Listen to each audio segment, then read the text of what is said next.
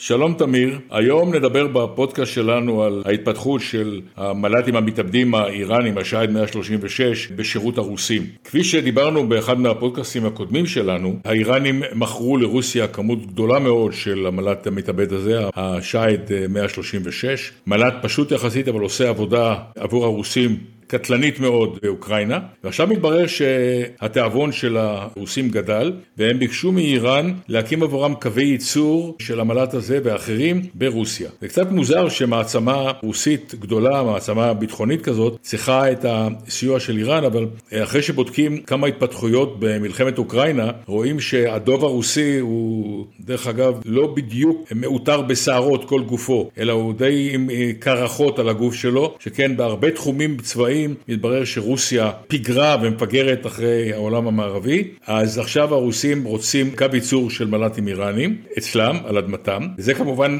ייתן לאיראנים הכנסות נאות שבאמצעותם הם יוכלו לפתח דגמים חדשים של מל"טים, גם תוקפים וגם מל"טים למודיעין. שיתוף הפעולה הזה בין רוסיה ואיראן מבחינת ישראל הוא לא טוב.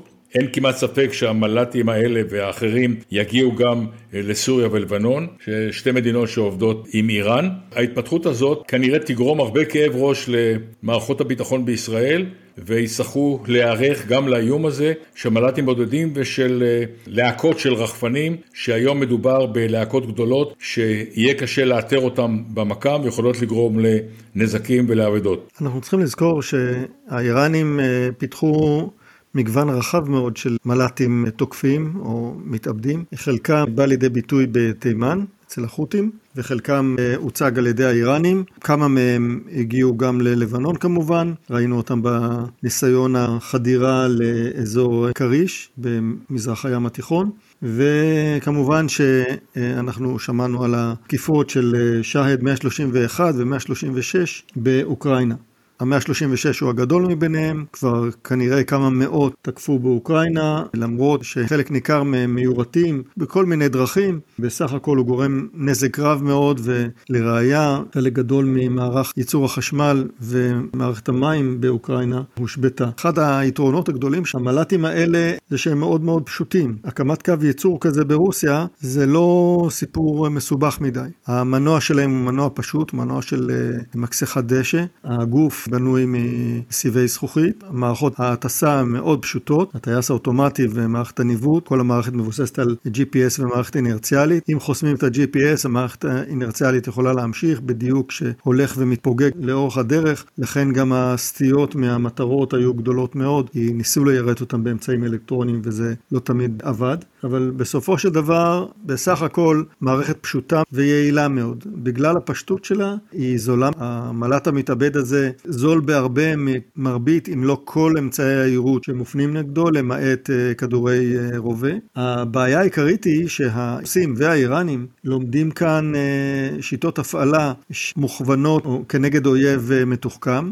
האוקראינים משלבים היום מערכת אה, הגנה אווירית מאוד מורכבת, מתקדמת, שחלקה אה, מבוסס על אה, טכנולוגיה רוסית ישנה וחלקה על טכנולוגיה מערבית חדשה. והשיידים האלה בכל גל תקיפה לומדים ומפיקים עוד ועוד תובנות איך להתגבר על מערכות כאלה. התובנות האלה זורמות ישירות לאיראן ומאפשרות להם לשפר את המערכות, לשלב שיטות חכמות יותר ולהטמיע אותן במערכות ההפעלה של. הכלים הלא מאוישים האלה. בנוסף לשיידים יש גם את הארש, זה מטוס אה, לא מאויש, מתאבד גדול יותר, לעומת השייד שנושא 40 קילו חומר נפץ, הרעש מסוגל לשאת 200, וזה כבר אה, בעצם טיל שיוט ממונע במנוע בוכנה. הוא גדול יותר, ולכן אולי קל יותר להפיל אותו. מצד שני, כשהוא תוקף, אז זה אה, תקיפה הרבה הרבה יותר אה, חמורה מהשייד, וגם אותו צריך להכיר ולהיזהר. אני מניח שהרוסים ייצרו גם את הרעש הזה, כך שמפעל הייצור הזה קום יקום כנראה. לרוסים יש את יכולות הייצור הנדרשות, את הפריטים שצריך, האיראנים יוכלו לספק. למעשה גם הרוסים יכולים לייצר אותם, אם זה מנוע או טייס אוטומטי, זה אמצעים שהרוסים יכולים לייצר בעצמם.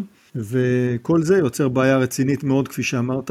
עד כאן לגבי המל"טים המתאבדים האיראנים והאפשרות לייצר אותם ברוסיה. אני מניח שנשמע עוד על הנושא הזה ועל יכולות והאמצעים שמאפשרים להתגבר על האיום החמור הזה. תודה אריה ולהתראות.